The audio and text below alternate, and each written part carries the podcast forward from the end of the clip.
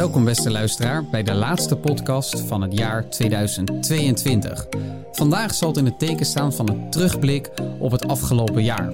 Allereerst zullen wij terugblikken op onze podcastcarrière in dit jaar. En daarna zullen wij terugblikken op het geopolitieke jaar 2022. Rajiv, wij hebben het idee opgevat om een podcast te gaan maken toen wij in juli en augustus op Lefkas waren, een Grieks eiland in het noordwesten. Het was daar hartstikke leuk. We zaten in een leuk resort. Kun je vertellen aan de luisteraar hoe wij op dat idee gekomen waren? Nou, wat het is, we zaten daar. We hadden een all-inclusive hotel. Eh, we hadden lekker gegeten. Lekker uh, onze shirtje open, genieten van de zon.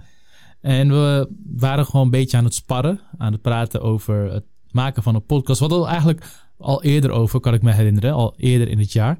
Maar dat was meer een, uh, ja, je kent het wel, een beetje een borrelpraat, nog niet echt serieus. Maar we hadden zoiets, zoiets van, weet je wat, laten we gewoon mee beginnen. Vooral ook omdat steeds meer mensen om ons heen tegen ons zeiden van, waarom beginnen jullie een podcast? Want ze luisterden vaak mee met de gesprekken die we met z'n tweeën voeren.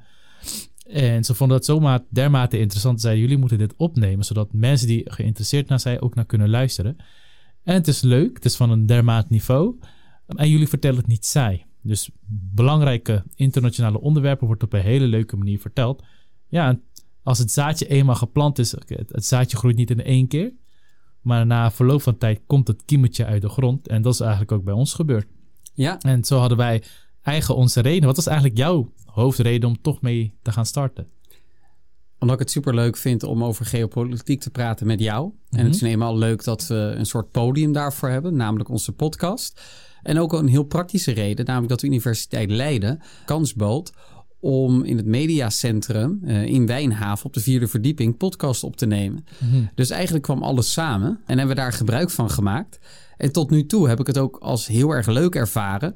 Wat ik het meest interessant vind eigenlijk om de hele tijd een inschatting te maken van wat is aan de ene kant interessant en wat is aan de andere kant extreem relevant voor luisteraars en onszelf. En soms hebben wij natuurlijk geput uit kennis die wij min of meer al hadden. Bijvoorbeeld als het gaat om Griekenland en India. Maar soms hebben wij ons ook in totaal nieuwe thematiek moeten verdiepen, zoals de Sahelregio. Nou, dat vind ik er eigenlijk heel erg leuk aan. Wat vind jij leuk aan de podcast? Ook dat, maar wat ik het zelf het leukste vind, is als ik al deze onderwerpen bespreek. Sommige, oh, sommige onderwerpen ken ik wat meer. Andere onderwerpen, ook voor mij, dat is Sahel, moest ik wat, uh, wat meer in verdiepen.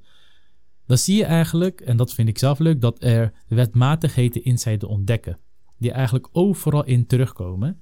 En het blijkt dus dat het gezegd, het is een cliché, maar het is wel waar, van het geschiedenis herhaalt zichzelf. En ik begrijp nu steeds meer waar mensen het over hebben.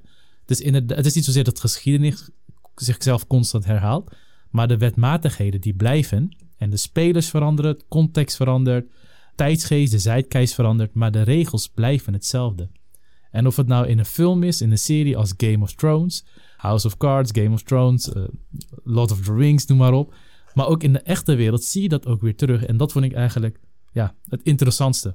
Het heeft natuurlijk in de praktijk ook soms ellendige uitwerkingen, maar ook hele positieve uitwerkingen. Maar dat vind ik interessant om wetmatigheden steeds terug te zien. En zo ook tot op zekere hoogte de, de toekomst weer te kunnen voorspellen. Ja, ik denk dat je dat mooi zegt. Ik denk dat de geschiedenis zich niet echt herhaalt, maar dat de geschiedenis eigenlijk blijft rijmen. Ja. En dat daardoor de rijmen uit het verleden ook een soort voorspellende kracht kunnen hebben, of in ieder geval inzicht kunnen bieden in wat er mogelijkerwijs gebeuren gaat. Uh, en daarnaast vond ik ook wel dat je het mooi zei, en als ik dat zelf moet samenvatten, dat je een eenheid ziet in een variëteit aan gebeurtenissen. Uh, dus je ziet de eenheid van wetmatigheden terug, die heet het een ander jasje aankrijgen. Mm -hmm. Dus in die in die zin heel gevarieerd lijken. Ja, daar kan ik me eigenlijk wel bij aansluiten. Daarnaast denk ik dat het heel erg belangrijk is, wat wij beogen met de podcast, dat mensen in Nederland zich beter gaat uh, beter gaat anticiperen in plaats van zich alleen maar te richten op reageren. Want als je moet reageren, ben je eigenlijk altijd te laat.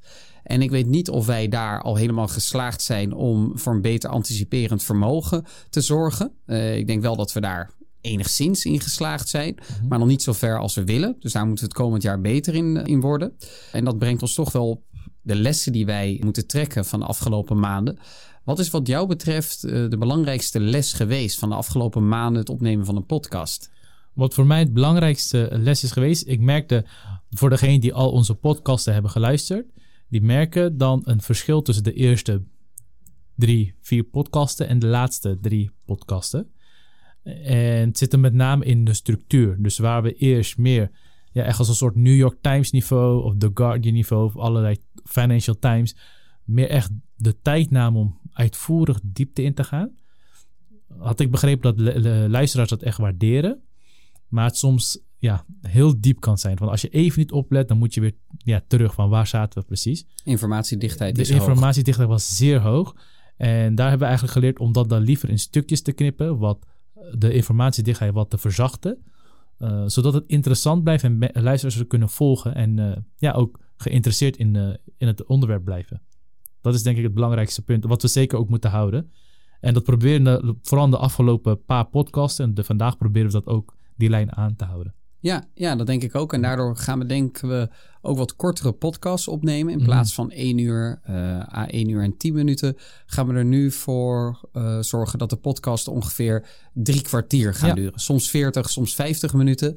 Dat het net wat korter is. Ja, dat je het gewoon in een, in een huishoudelijk tijd, als je met iets bezig bent of je, je moet ergens gaan, dan vaak duurt het ook drie kwartier dat je het al af hebt.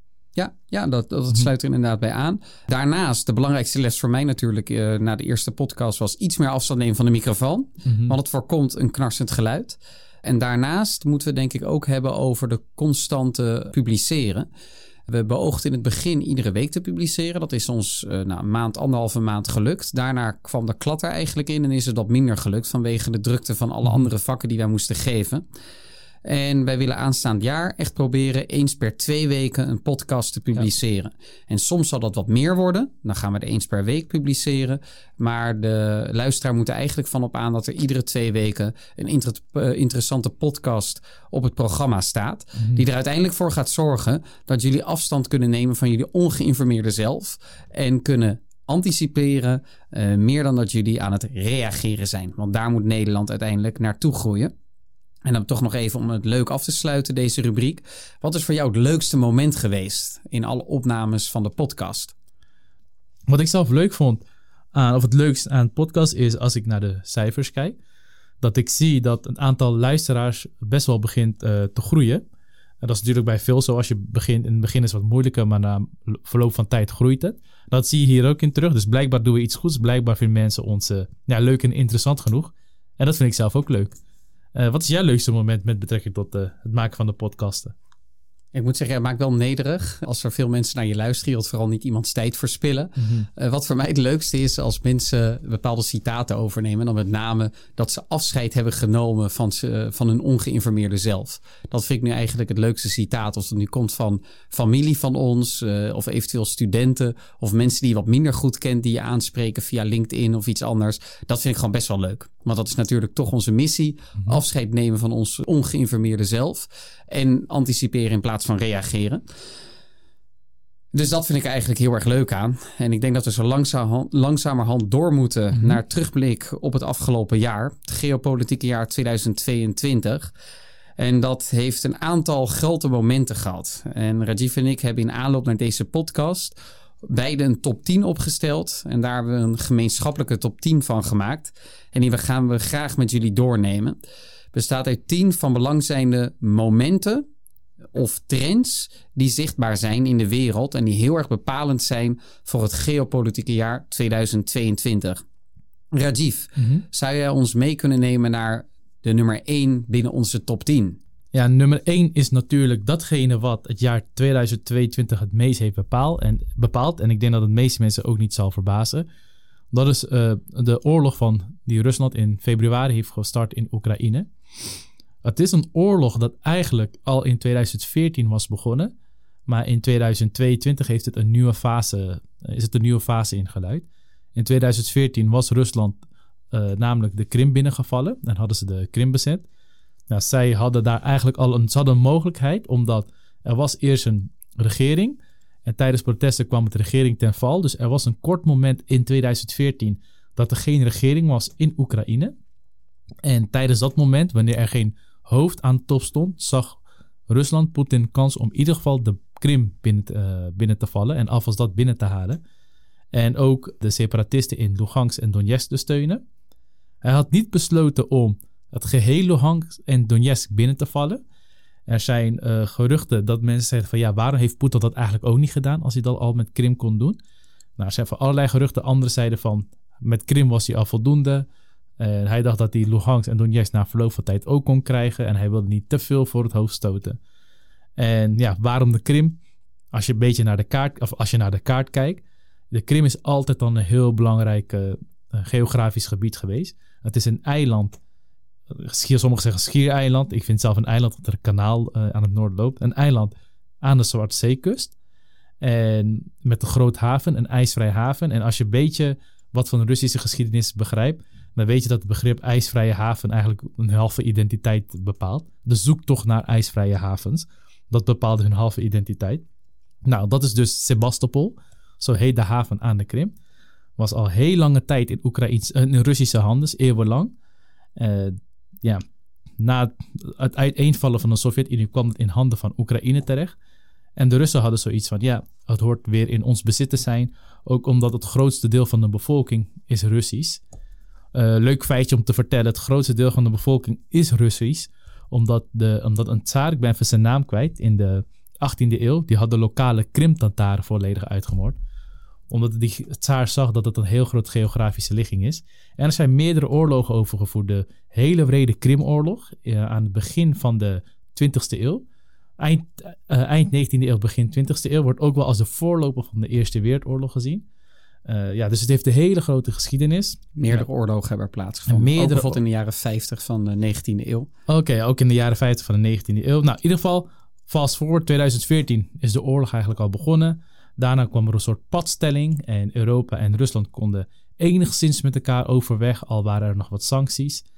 Uh, maar in ma februari 2022 werd, zag Poetin zichzelf gedwongen vanuit zijn perspectief, je hebt natuurlijk verschillende perspectieven, om heel Oekraïne binnen te vallen. En uh, zo te proberen voor eens en altijd een einde aan te maken. En dat heeft eigenlijk zoveel, zoals het in Engels noemen, chain reactions, kettingreacties teweeggebracht. Ga ik niet verder op in, dat zijn de volgende punten. Maar het heeft heel veel in de wereld teweeggebracht. Uh, niet alleen in Europa. Tuurlijk, oorlog is terug in Europa, maar het heeft effecten in Afrika, in Azië en in Amerika daar is dat wel echt veruit uh, nummer één. Zeker. Oorlog is terug ja. in Europa. Dus die staat. Uh, en het is een trieste conclusie eigenlijk. De mm. bloeddorstige oorlog door Rusland. Uh, ja, het is eigenlijk diep treurig. Mm -hmm. Dan de nummer twee in de lijst. Ja. Wat is die wat jou betreft? De nummer twee in de lijst, dat is eigenlijk de andere adversary. Dat is een mooi woord in het Nederlands. Uh, aardsrivaal. Aardsrivaal van Amerika. Het eerste is Rusland, dat is nummer één. Ja, twee is China. Uh, waarvan we lange tijd dachten dat die Amerika de komende jaren zou inhalen. Maar dat zal denk ik niet gebeuren. Dat is een leuk onderwerp voor een andere keer. Maar alsnog, de spanningen tussen China en Amerika zijn ook in het afgelopen jaar flink toegenomen. We kennen de jaren hiervoor onder president Trump dat er een flinke handelsoorlog was. En dat daar de spanningen met de tijd groeiden en groeiden. Nou, we hebben een nieuwe president, president Biden uh, over de handelsoorlog, die zijn wat gedempt. Maar dat betekent niet dat de spanningen wat zijn gedempt. Uh, met name Taiwan. President Xi Jinping ziet het als, zijn, uh, ja, als de kers op de taart om Taiwan weer binnen te krijgen. Wat is Taiwan? Heel kort. Het is een eiland voor de Chinese kust. Het hoorde altijd tot het keizerrijk China. Maar na de Chinese burgeroorlog was daar de keizerlijke of de nationalistische regering van uh, de Kuomintang Chinese burgeroorlog overigens in de jaren 40, ten de, tijde en na de Tweede Wereldoorlog. Inderdaad, inderdaad. Dus de nationalisten vochten tegen de communisten. Nou, Mao Zedong van de communisten won. Die kregen het vasteland in bezit en de nationalisten vluchtten naar het eiland Taiwan. En met als idee weer heel China terug te veroveren. Uh, nou, hoe is Taiwan en Amerika, hoe zijn ze zo bevriend geraakt? Mao Zedong wilde, had een vloot klaarstaan om Taiwan binnen te vallen. Maar vlak voor dat gebeurde stuurde Amerika zijn vloot en vliegdekschepen tussen Taiwan en China, de, van, de straat van Taiwan, waardoor dat geblokkeerd werd. Ja, en net zoals in Zuid-Korea is het ook hier dat Amerika werd de beschermheer van Taiwan. En dat is eigenlijk decennia lang zo gebleven. De Chinezen zien Taiwan eigenlijk als een, echter als een afvallige provincie die weer terug moet.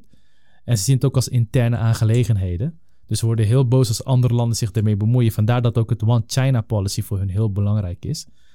Nou, onder Xi Jinping zijn de spanningen toegenomen. Hij wil Taiwan graag terug. Hij heeft meerdere uh, drills, meerdere oefeningen gedaan. En In, in het kader van al die oefeningen wilde Amerika zijn steun laten zien aan Taiwan.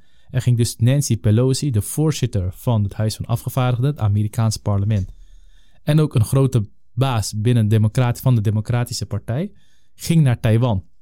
Het was overigens een onaangekondigde bezoek. Dus het was een plotseling bezoek, maar het ging toch door. De Chinezen die hadden heel veel gedreigd. Ze gaan het niet toelaten, wat er ook gebeurt. Dit gaat niet gebeuren. Maar ja, wat ga je doen? Je kan niks doen als de voorzitter van het Amerikaanse parlement ergens naartoe vliegt. Nou, dat heeft heel veel spanningen teweeggebracht. De Chinezen hebben daarna heel veel militaire oefeningen tot aan de kust van Taiwan gehouden.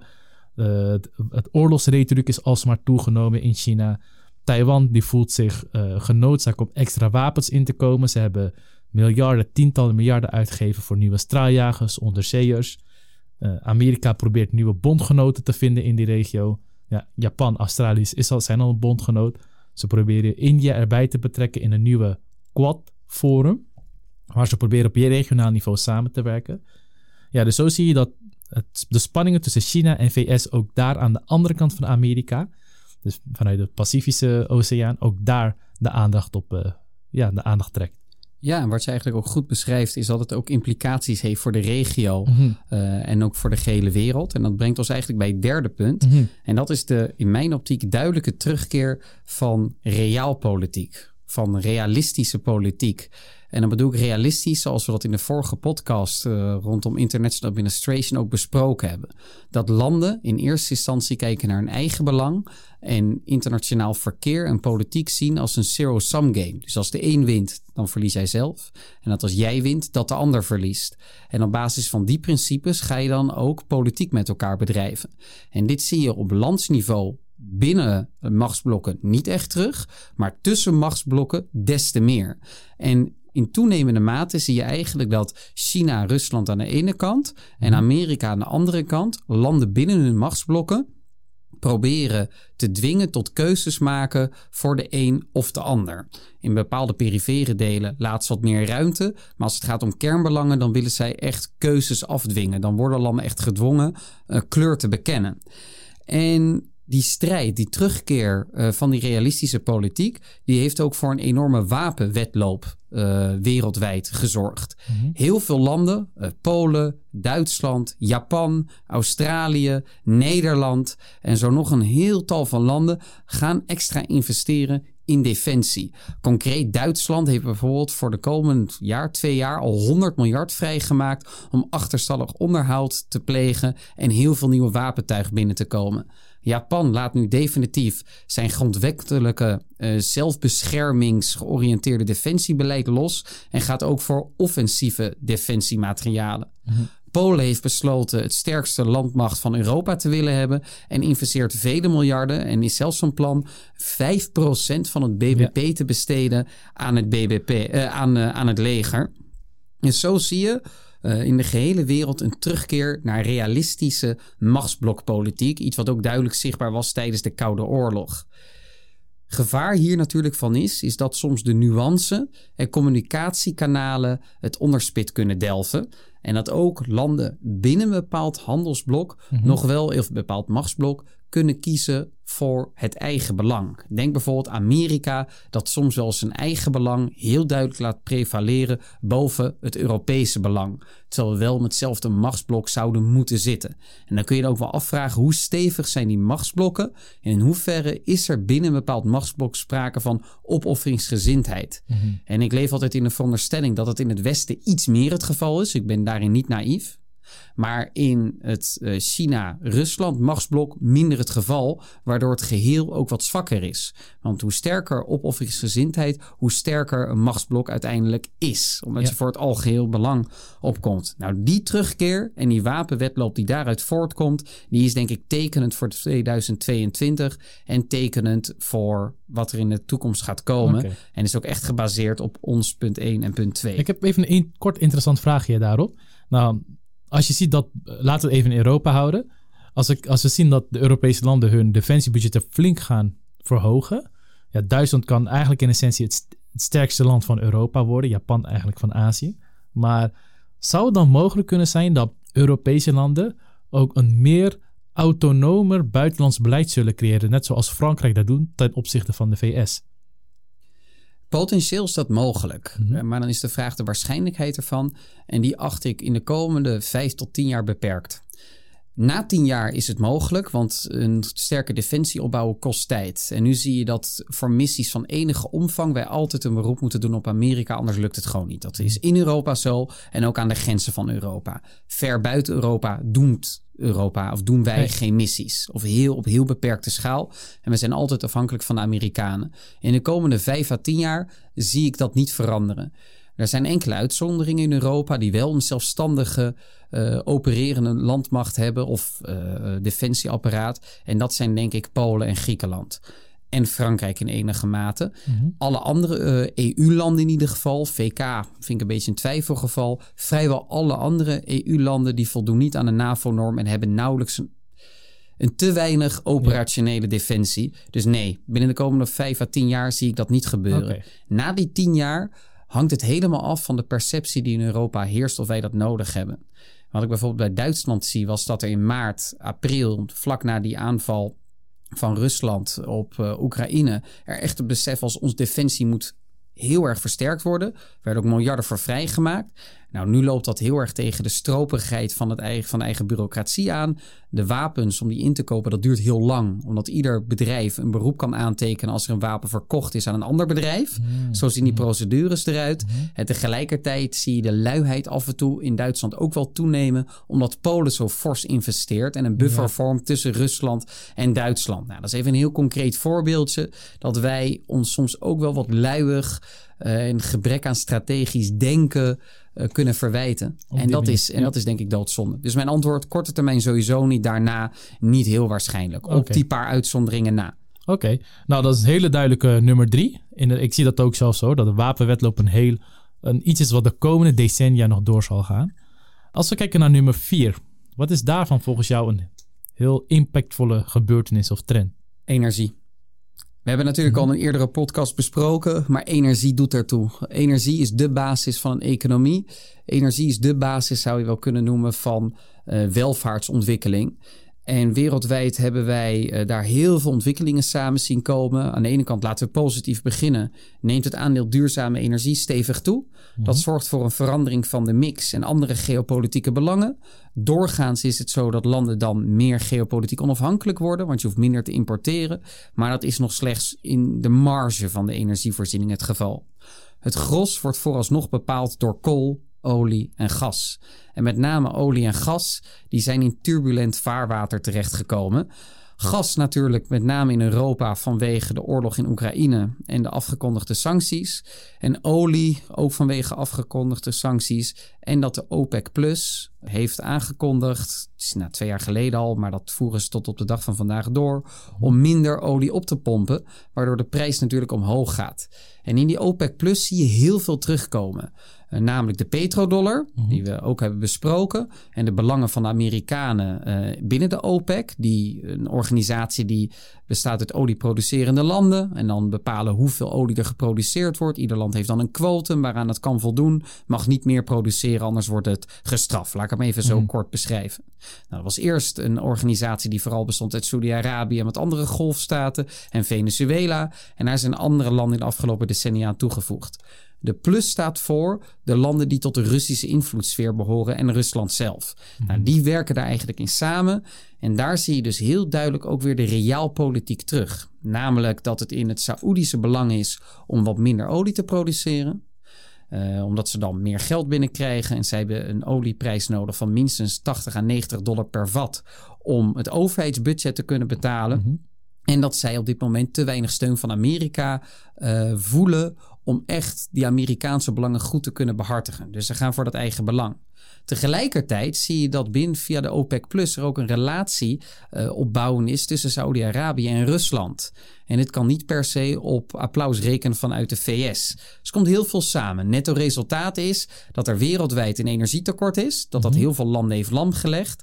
Eh, Pakistan, eh, maar ook Sri Lanka. Ook in Europa zien we de grote gevolgen ervan terug. En dat brengt ons natuurlijk bij ook punt 5, wat ik als een van de grootste trends zie van 2022. En dat is inflatie. de basis van die inflatie zijn natuurlijk de energietekorten die oplopen vanwege de oliecuts van de OPEC Plus en de oorlog in Rusland. En dat de inheemse productie in veel westerse landen van gas dusdanig is teruggeschroefd dat wij nauwelijks zelfvoorzienend Ja, zijn. Zoals Groningen, helemaal gestopt. In Ja. Groningen, maar dat geldt ook voor Duitsland. Dat geldt voor heel veel Europese landen. Dat er te weinig in exploratie en exploitatie eh, geïnvesteerd is. Dus dat wij nu veel meer van kool afhankelijk zijn. Daar is het milieu niet bij gebaat, klimaat niet bij gebaat. Geopolitiek waren wij er niet bij gebaat en economisch al helemaal niet. Ja. Want wij hebben eigenlijk de industriële capaciteit van Europa heel erg onder druk gezet. Waardoor wij nu minder producten kunnen produceren. Werkloosheid zal toenemen. En natuurlijk, punt 5, inflatie.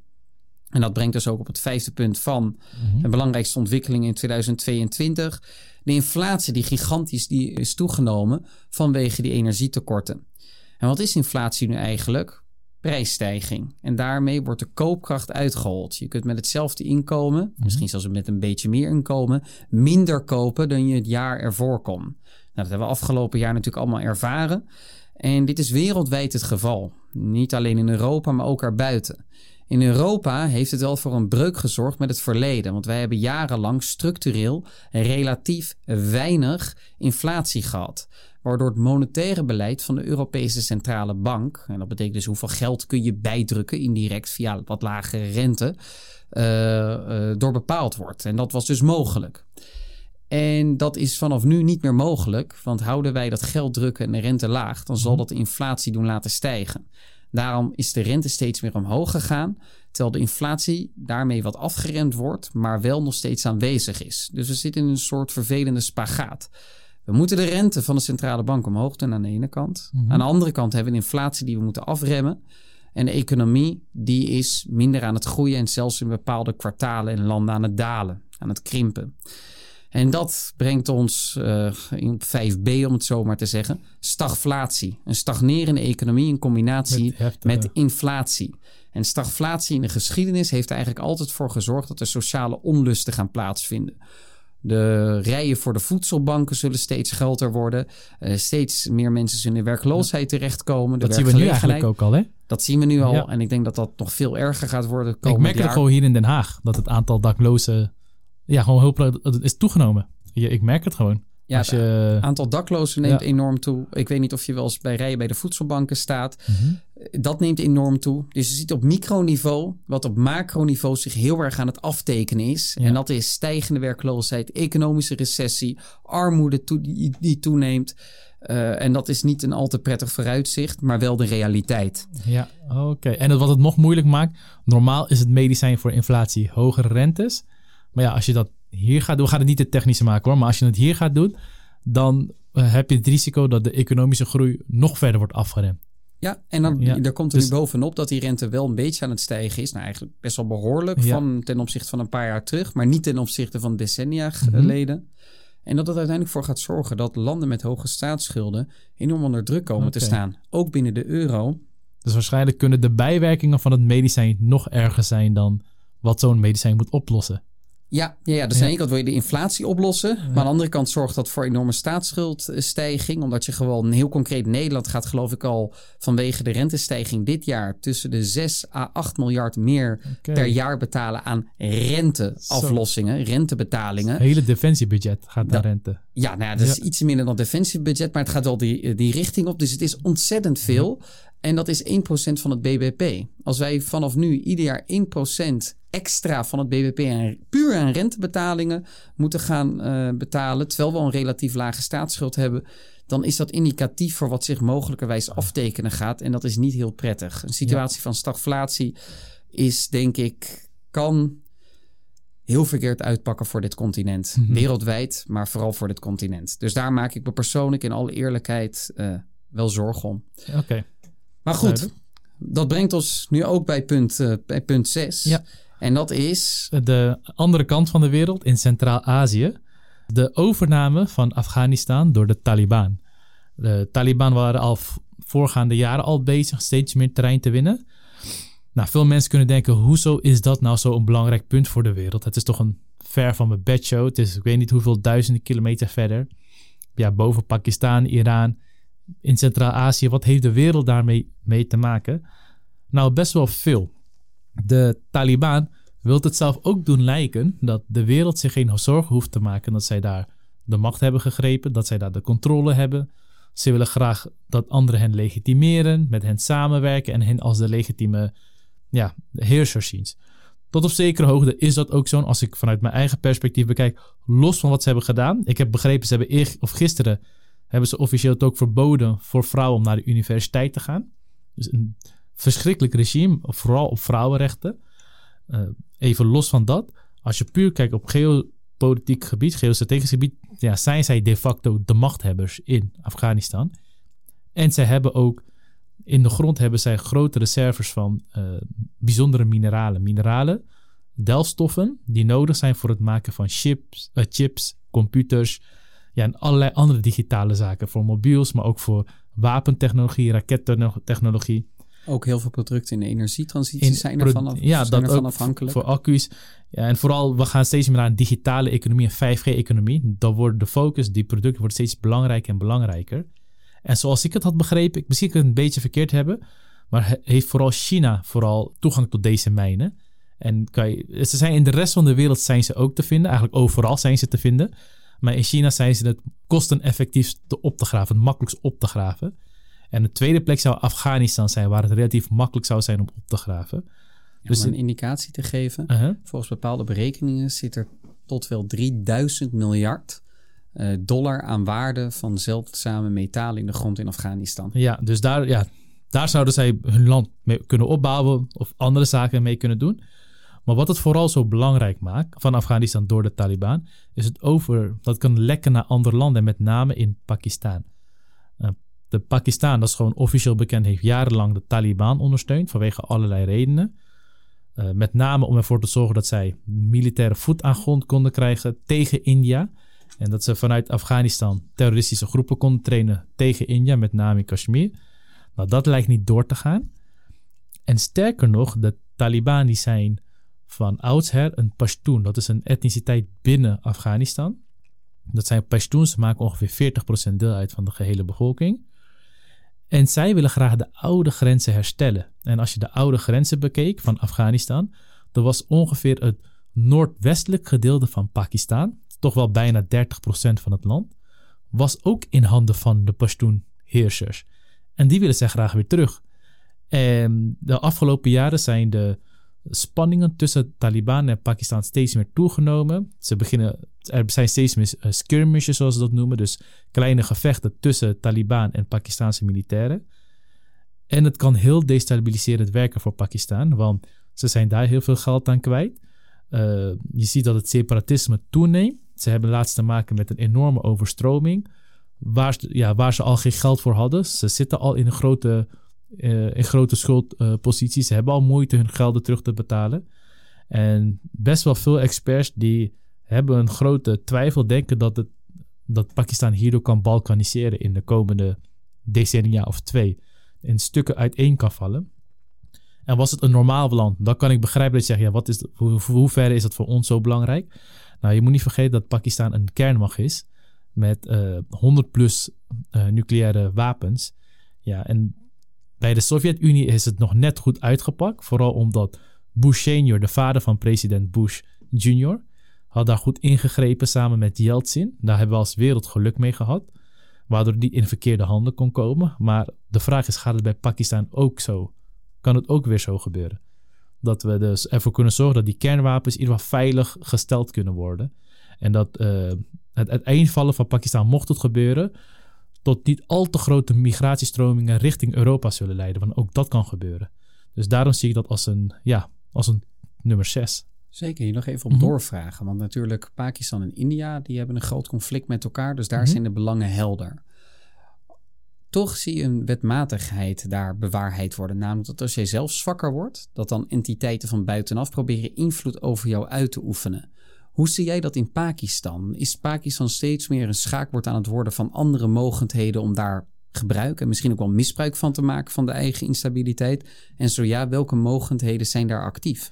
Ja, wat je heel duidelijk eh, ziet is, uh, ja, Pakistan heeft steeds meer moeite om de gebieden onder controle te krijgen. Is wat ze eerst altijd deden is lokale terroristische groepen. Het is bekend dat Pakistan minimaal 45 terroristische groepen herbergt. Dat zijn de officiële cijfers. De onofficiële cijfers weten we niet. Maar ja, het is net als een Frankenstein. Je steunt ze. Je denkt dat ze je kunnen helpen, maar als je een slang opvoedt, dan moet je niet bang zijn dat het je ooit gaat verbazen als het je ooit terug gaat bijten. En dat zie je hierin terug. Lang probeerde Pakistan China als een, of Pakistan zag China als een groot partner, samen met Amerika ook. Ja, je ziet dat Amerika, ze proberen de gesprekken op een laag niveau te houden. Ze vertrouwen Pakistan niet, vooral niet hoe het met Afghanistan is gegaan. En Amerikanen die uh, ja, verwijten Pakistan ook nog steeds dat ze mede door hem daar hebben verloren. En ook China. Ja, China gebruikte Pakistan voor een groot infrastructuurproject, Belt and Road Initiative. Ander groot leuk onderwerp. Uh, maar ook in Pakistan zie je dat meerdere Chinese ingenieurs uh, worden vermoord, bewoners worden vermoord. Uh, dat de, ja, de investeringen niet veilig genoeg zijn. Dus ja, het is de vraag in hoeverre Pakistan zijn partners tevreden gaat kunnen houden. Dus je ziet eigenlijk dat er misschien uh, alleen de Taliban probeert echt invloed uit te oefenen in Pakistan. Mhm. En dat eigenlijk andere mogendheden steeds meer hun handen aftrekken Ja. van Pakistan. Zeg ik Ook- dat terecht? Dat zeg je terecht. Ook zelfs Saudi-Arabië, die werd heel lang gezien als, ook door Pakistanen zelf, als hun grote broer. Eh, En verantwoordelijk voor de opbouw van alle madrassa's. verantwoordelijk voor de opbouw van alle madrassen. Maar dat ook, zijn islamitische gebedshuizen waar echt eh, indoctrinatie plaatsvindt van kinderen. Ja. Waardoor heel veel islamisme gevoed is. ja, Dus ook Saudi-Arabië trekt zijn handen Ja, af en van om een- Pakistan. om een beeld te geven. eh, de, een paar maanden geleden ging de grootste, Bajwa, generaal Bajwa, de grootste, een van de grootste generaals van Pakistan, ging op bezoek naar Saudi-Arabië. En die werd daar door een lokale ambtenaar slash prins ontvangen. Eh, het idee was dat de koning hem eigenlijk niet wilde ontvangen. De week daarna ging een topgeneraal van India naar Saudi-Arabië toe. En die werd door de, door de kroonprins ontvangen, door ministers ontvangen. En ze hadden een deal ondertekend dat India en Saudi-Arabië op militair gebied zouden kunnen samenwerken. Dat India zijn marine in Saudi-Arabië zou mogen aanmeren. Ja, dat soort zaken. Dus geopolitiek en, intern Mhm. is het een turbulente situatie in Pakistan. Ja. En dan zie je ook nog eens terug dat Imran Khan, de oud-premier van Pakistan, eh, een eh, vertrouwensstemming in het parlement heeft verloren. Mhm. Maar hoe zit dat nu? Want ik hoor wel nog dat hij af en toe rallies heeft, demonstraties heeft, maar hij is wel afgetreden. Hoe zit dat precies? Ja, hij is eh, best wel populair. Hij is best wel populair onder de bevolking. Maar hij is afgezet door het leger, omdat in Pakistan is een leger met een staat. En Imran Khan had heel veel kritiek op het leger. En Imran Khan, interessant weet je, had best wel een pro-Russische benadering. Dat de Amerikanen ook niet leuk vonden. En je ziet dat het leger weer sterk de pro-Amerikaanse hoek proberen te gaan. Maar ja, de bevolking is daar weer niet blij over. Dus je ziet ook dat ze daar weer ja, zitten te laveren. Van hoe, ja, hoe moeten we nu verder? Ja, dus Sharif, die wil, de huidige premier van Pakistan, die wil weer hechter worden met de VS. Ja. Oké, dat dankjewel voor de heldere Mhm. uitleg. Dat brengt ons denk ik bij een land dat ook zich wel een allieerd heeft met Pakistan, namelijk Turkije. En dat is onze nummer 7 op de lijst van meest belangrijke geopolitieke gebeurtenissen van afgelopen jaar. Het Turkse buitenlands beleid. En dat gaat dan om de Turkse agressie in de regio, richting eh, Syrië, richting Libië, richting Irak, maar ook richting Griekenland en Cyprus. En indirect ook richting Azerbeidzjan en Armenië. En daar bovenop komt er nog een dimensie, namelijk dat binnen de NAVO Turkije zich soms wel een buitenstaander toont door bijvoorbeeld lidmaatschap van Zweden en Finland voorwaardelijk te maken aan dat zij Turkije paaien. En dat is natuurlijk niet helemaal in de broederliefde die normaal gesproken centraal zou moeten staan binnen de NAVO. Dus ook dat is wat ons betreft een goede nummer 7. Mhm. Dit gaat namelijk gepaard met heel veel gevolgen. eh, en zorgt er ook voor dat in de regio rondom Turkije landen hechter met elkaar gaan samenwerken. En legt vooral ook de interne instabiliteit van Turkije zelf bloot. Waarin er een grote strijd is tussen eh, verschillende facties om de macht te grijpen en vooral Erdogan eruit te wippen. En dat Erdogan door de economische penibele situatie ook gedwongen is zich extern, buitenlands, agressiever op te stellen, zodat hij intern de handen daarvoor op elkaar kan krijgen. Uiteindelijk kan dit ervoor zorgen dat de NAVO verder onder druk kan komen te staan en dat er bepaalde eh, sancties die al opgelegd zijn aan eh, Turkije verder uitgebreid gaan worden. Denk bijvoorbeeld aan dat de VS Turkije uit het F-35-programma gegooid heeft. Dat inmiddels uh, door de verkiezing in de VS Menendez in de Foreign Committee van de Senaat, heel belangrijk mhm. orgaan, bepaalt eigenlijk of er wapens wel of niet verkocht kan worden. Uiteindelijk een veto kan opleggen aan Turkije als het gaat om de verkoop van F-16's.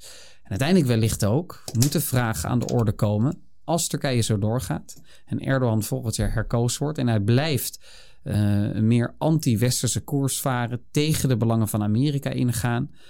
Wat moeten wij met Turkije in de NAVO? En dat is denk ik een steeds prangerende vraag die mhm. NAVO-landen zichzelf afstellen. Met name naar debakel rondom de toelating van Finland en Zweden. Die nog mhm. steeds niet rond is en waar Erdogan nog steeds mee dreigt om dat te blokkeren. En dat is denk ik een heel erg relevante vraag voor nu en zeker ook in de toekomst. En daarnaast heeft die Turkse agressie in de regio er ook voor gezorgd dat Azerbeidzjan Armenië is binnengevallen. En want dat is natuurlijk met uh, Turkse steun gebeurd. En ook de agressie in de richting van Griekenland mag niet onbenoemd blijven.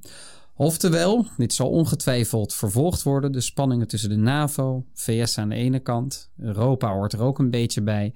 En aan de andere kant Turkije. Mm en dan de nummer 8, dat is de Sahelregio. De Sahelregio hebben wij natuurlijk in de podcast nummer 7 en 8 al besproken. En daarin hebben we eigenlijk stilgestaan bij dit ongelooflijk grote gebied van ongeveer, wat is het, 3000 kilometer breed. Gaat over dwars door het hele Afrikaanse, het brede deel van het Afrikaanse continent heen. Mhm. En bevat landen als Mali, Mauritanië, Soudaan, Tjaad en Niger. En daar is heel, heel, heel veel problemen die samenkomen. Klimaatverandering, poreuze grenzen, woestijnachtig gebied, met name in het noorden. Dat is natuurlijk de kust van de Sahara. Dat betekent Sahel ook in het mhm. Arabisch kust. En dan is het niet de kust van een zee, maar de kust van een woestijn. Uh, verder is er sprake van nauwelijks economische ontwikkeling, nauwelijks elektrificatie. Er is nauwelijks gas voorhanden. En tegelijkertijd zijn er allerlei separatistische en jihadistische bewegingen die er eigenlijk voor zorgen dat er heel veel oorlog gevoerd wordt. Ook is het zo dat Frankrijk daar een best heftig beleid heeft gevoerd ten tijde van de kolonisatie en ook daarna. Dus ze worden eigenlijk flink geëxploiteerd.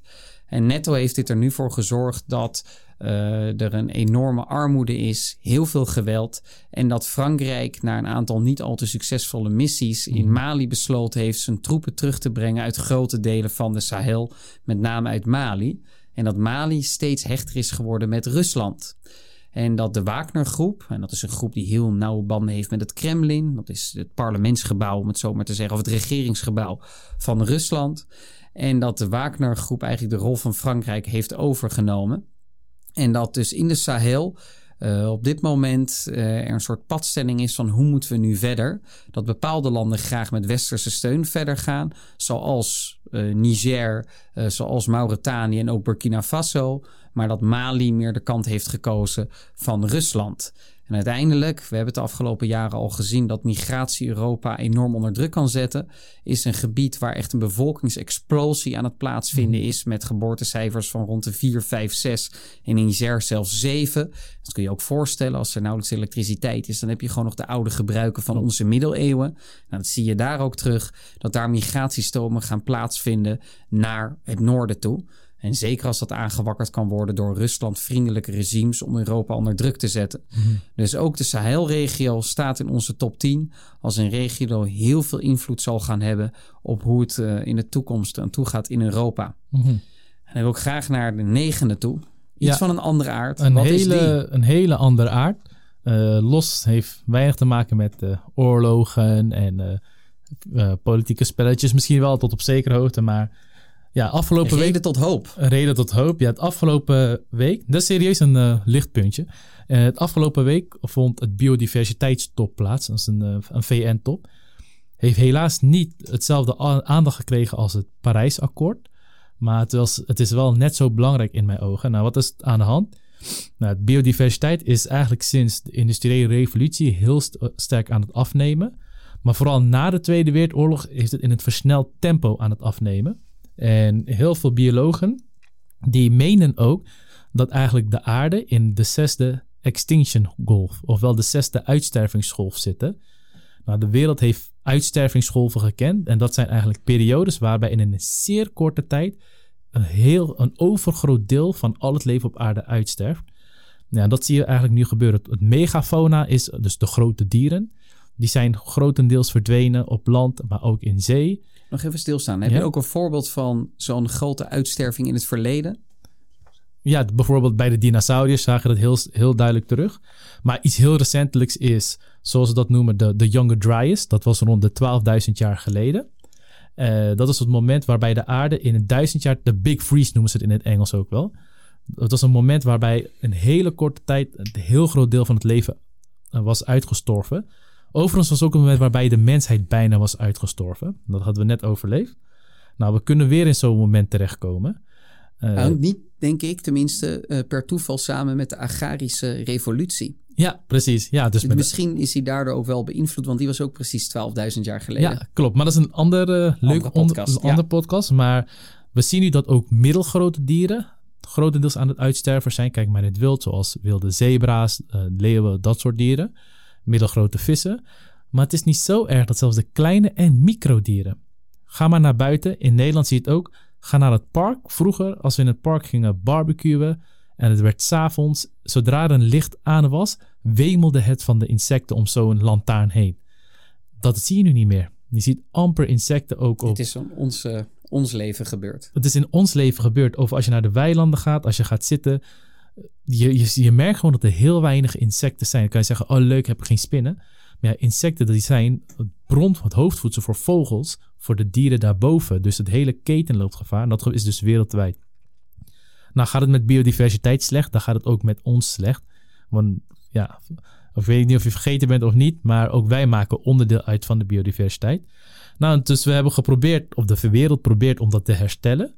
En de eerste afspraak is gemaakt om in ieder geval ervoor te zorgen dat in 2030 30% van het land en de zee onder beschermd natuurreservaat, eh, een beschermd natuurgebied wordt, waarin natuur kan herstellen. En stap 2 zou dan moeten zijn om naar de volgende stap te gaan, is niet herstellen, maar het weer te versterken, weer te vergroten, weer ruimte terug te geven aan de natuur. Dus we gaan naar de 30%, maar het is de bedoeling om verder te gaan dan die 30%. En we zitten nu op de 15% beschermd. Dus we moeten verdubbelen wat we nu hebben. En ik denk zelf dat als we die doel hebben behaald, dat we weer gaan verdubbelen van 30 naar 50 of 60. Eh, ja, kijken of we dat gaan halen. Maar het is een heel belangrijk iets, want net als het Parijsakkoord, het, is een heel, het wordt een heel impactvolle beleidsissue dat echt gaat over ruimtelijke ordening, ruimtelijke verdeling. Ja, dat gaat sowieso ook spanningen teweeg brengen. Kijk maar nu met het stikstofcrisis in Nederland. Ja, dus het is een soort combinatie van een enorm lichtpuntje in dit jaar. Mhm. Aan de ene kant. Aan de andere kant legt het ook weer juist een heel donker eh, iets eh bloot. Namelijk het feit dat de biodiversiteit wereldwijd aan het afnemen is. En dat het Mhm. eigenlijk ook de mensheid eh, onder druk zet. Net als alle dieren en planten. Ja. Flora en fauna staan onder druk. Inderdaad, en wat het vooral moeilijk maakt, vooral bij het laatste top, zoals ik het heb begrepen, is dat het grootste deel van de biodiversiteit op aarde zit in de wouden, de regenwouden. Nou, die zijn nu met name bij de armere landen. En maar de armere landen hebben, die gaan een bevolkingsexplosie meemaken, vooral in Afrika, in Zaire, Congo, eh, maar ook in Brazilië en aan Indonesië. Ja, en om voor economische groei moet je natuur inleveren. Maar ja, dat gaat moeilijk. Dus ze hebben gezegd, we zijn bereid dat te laten, maar er wil wel een soort compensatie-instrument. Red Plus heet dat. Nou, we gaan kijken hoe dat in de loop van de jaren gaat, eh, hoe dat in de loop van de jaren eruit gaat zien. Eh, duidelijk. en als we- En dan voor wat Mhm. betreft lichtpuntjes voor het klimaat. Dat brengt ons bij punt 10. Kun je Ja. daar meer over vertellen? Ja, als we dan toch doorgaan met biodiversiteit. eh, punt 10 is de verkiezingsoverwinning van Lula. In Brazilië, Zuid-Amerika, heeft Lula de verkiezingen gewonnen. Even Van los Bolsonaro. Van, van, van Bolsonaro. Los van zijn economisch beleid. Wat voor de wereld eraan toe doet, is met name zijn milieu- en natuurbeleid. Hij heeft namelijk heel sterk ingezet op het herstellen, het beschermen en herstellen van de Amazonewoud. Ehm, dat zijn namelijk de longen van de wereld. Ook het overgrote deel van biodiversiteit is in de Amazone. En hij wil dat versterken. Eh, hoe hij dat onder andere wil doen, hoe hij zo in de voorgaande jaren succesvol was, was om lokale indianenstammen rechten te, beheersrechten te geven over zo'n bos. Eh, wetende dat de indianenstammen daar duurzamer mee omgaan. En dat wilde hij eigenlijk voortzetten. Nou, op wereldwijd gebied kan dat een lichtpuntje zijn, ook voor de biodiversiteit. Eh, en dat we hopelijk daarmee weer verder kunnen gaan. Oké, dankjewel. Dus de top 10, toch nog even kort samenvatten aan het einde. Nummer 1, Rusland valt Oekraïne binnen. Nummer 2, de duidelijke strijd die steeds meer manifest wordt, steeds duidelijker wordt tussen China en de Verenigde Staten. Dat is echt de A-league van de geopolitieke competities. Dan de derde, de wereldwijde trend in de richting van realpolitiek. Dat landenblokken uh, en machtsblokken steeds meer op basis van een zero-sum game met elkaar samenwerken. Verlies van de een is de winst van jou. En dan probeer je vanuit dat heel veel beleid vorm te geven. Nummer vier, energie en de tekorten die daarbij horen. Uh, mede als gevolg van klimaatbeleid, maar ook de oorlog in Rusland en de OPEC uh, oliecuts. Nummer vijf, de daaruit voortkomende inflatie. En die wereldwijd eigenlijk zal leiden vanwege onder meer rentestijgingen van centrale banken, koopkrachtuitholling tot stagflatie, stagnerende economie aan de ene kant en tegelijkertijd inflatie. Dan nummer 6, en dat is meer regionaal georiënteerd, de Afghanistan-destabilisering en de destabilisering als gevolg daarvan van Pakistan en de gevolgen daarvan hebben we uitgebreid bij stilgestaan. Dan een bondgenoot van Pakistan is natuurlijk Turkije. En die heeft ook nogal uh, penibele interne situatie en zorgt ook voor destabilisering in de regio. Dan, over instabiele regio's gesproken, dan kan de Sahel helaas tot onze spijt nooit ontbreken. Ook daar hebben we grote gevolgen, uh, of hebben we grote ontwikkelingen gezien met grote gevolgen uiteindelijk. Onder meer terugtrekken van Frankrijk uit deze regio. En dan toch nog puntjes van hoop. In ieder geval voor wat betreft het klimaat en biodiversiteit. Biodiversiteitstop op nummer 9, net besproken. En de verkiezing van president Lula in Brazilië. Mhm. En dat maakt de top 10 compleet. Een aantal zaken hebben wij niet besproken. Uh, daar hebben we natuurlijk wel bij stilgestaan. Voorbeelden hiervan zijn de opbouw van de Egyptische marine, het WK in Qatar, de AUKUS, de organisatie van Australië, de UK en de uh, Verenigde Staten, die steeds meer vorm krijgt. Shinzo Abe, die is doodgeschoten in Japan. Uh, Xi Jinping, die de derde termijn in China heeft binnengesleept. En die ook als een soort machtsvertoon de voorgaande leider van China heeft opgesloten, Hu Jintao. De spanningen tussen India en China hebben we niet uitgebreid bij stilgestaan. Maar die vielen net buiten onze top 10, maar we willen ze nog even kort benoemd hebben. Dat brengt ons bij het einde van de terugblik van 2022 en de einde, het einde van de, de reeks van dit jaar voor deze podcast. Wij hopen natuurlijk dat onze luisteraars hebben genoten van deze reeks in 2022. Dat jullie afstand hebben, hebben genomen van jullie ongeïnformeerde zelf. En dat wij jullie in het komend jaar terug kunnen zien bij de volgende podcast. Uiteraard zijn jullie dan van harte welkom. Maar voor nu, heel hartelijk dank voor het luisteren en een heel gelukkig 2023 toegewenst.